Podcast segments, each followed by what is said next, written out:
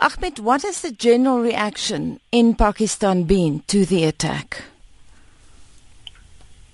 Well, the primary general reaction is that it is absolutely horrific and unbelievable. The terrorists, especially the Pakistani Taliban, have attacked military installations. They've attacked various convoys in the tribal areas and various state institutions, but to attack in school and kill so many children was just not imaginable. But primarily what we kept hearing during that attack was from a group of Pakistani Taliban that this is a revenge against the operation, the military operation that had been intensified in the past few months in the tribal areas, parts where you have also been. Yes, um, and uh, this appears to be a reaction to that. This is what they claimed, a group, group especially called the Khorasani, Umar Khorasani group. They claim responsibility. But basically, what appears that this is such a horrific event, people are not able to comprehend what has happened, but they appear to relate to what the state is saying that we have to now come with the iron fist and and uh, and take and really try to nip the evil in the bud now as far as the strategy goes. And that is the general feeling amongst ordinary Pakistanis. Well, ordinary Pakistanis are looking at the army and the state to do something about it. The state depends mostly on the army, the politicians, the law, the judiciary.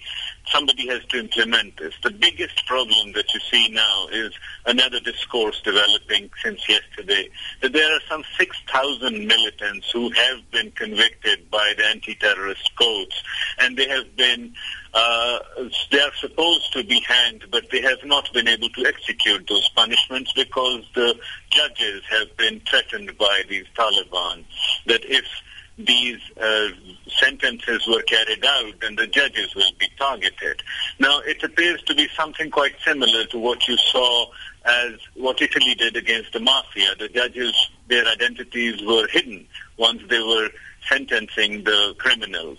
So this appears to be a big problem that they have never been punished. Some 6,000 people who are terrorists, there were strong cases, strong evidence against them who attacked Pakistani people and military installations have been sentenced, but those sentences have never been carried out. So this appears to be a second problem, that uh, the law, the writ of the state is not there.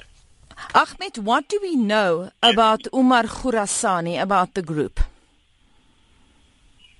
Well, Umar Khurasani, uh, this is a very long, uh, enduring type of a problem. It has a long history. It began, the Talibanization, the extremism actually can be traced back to the Russian invasion in Afghanistan. Mostly these are Pashtun people, the majority people in Afghanistan and in the tribal areas of Pakistan. They at that time allied with the Pakistani military, the ISI, and the Americans funded them, and they fought against the Russians.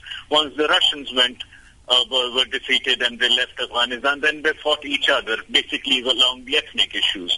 So Pashtuns have always been uh, supported by the Americans and the Pakistan military and the intelligence agency. Umar Khorasani at that time is a uh, recently, especially since 911, is a remnant. He's an evidence of that group, which is, which is basically Pashtun-oriented. And he worked alongside other groups in Taliban, Afghan Taliban, but now he's detached himself from the Afghan Taliban and he's got his own group in Pakistan. The thing is what combines them is the Pashtun identity. Mm. And for the Pashtun, revenge is a very strong thing.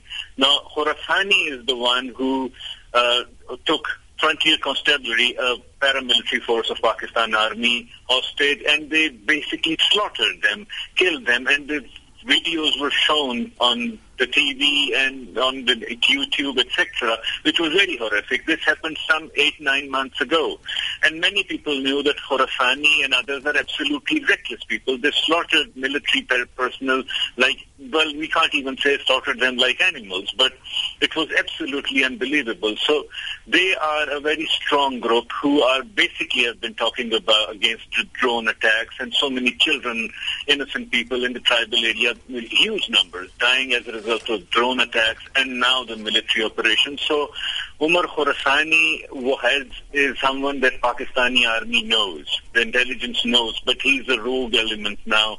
And, and recently we've been hearing that they have ideas, they've got evidence that who were the ones who ordered these attacks and they've got intelligence to pinpoint where their location is. So uh, it is likely that they'll be able to hunt them down and take them out. But the problem will remain that it is basically the military operation and the drone attacks before that which are the main cause.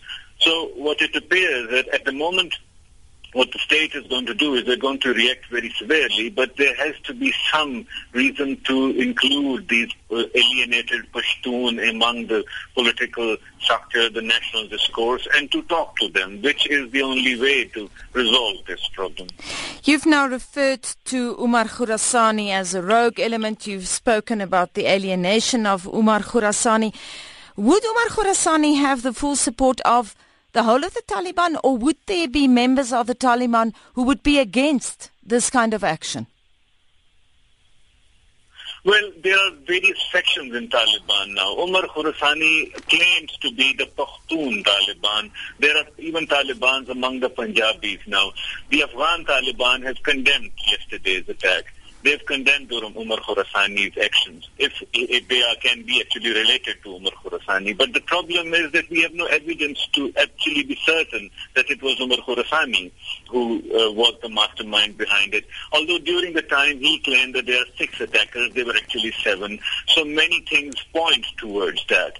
But the way, uh, it is very difficult to find out who is actually materially supporting them. There are various uh, multinational, so to speak, corporate privatized military firms who've got their operations in Afghanistan and maneuverability in the, in the tribal area, various types of uh, privatized military firms, basically the corporate warriors who are funding these rogue elements. So it's a very complicated thing, and there has to be some element of United States and Pakistan and even India and Iran, for that matter, to cooperate in, in this whole problem and to relate it to uh, with ISS is uh, I don't think I mean we've seen few evidence of people writing on the walls we call it wall chalking here in favor of ISIS but there hasn't been any concrete evidence to support that ISIS has presence in Pakistan.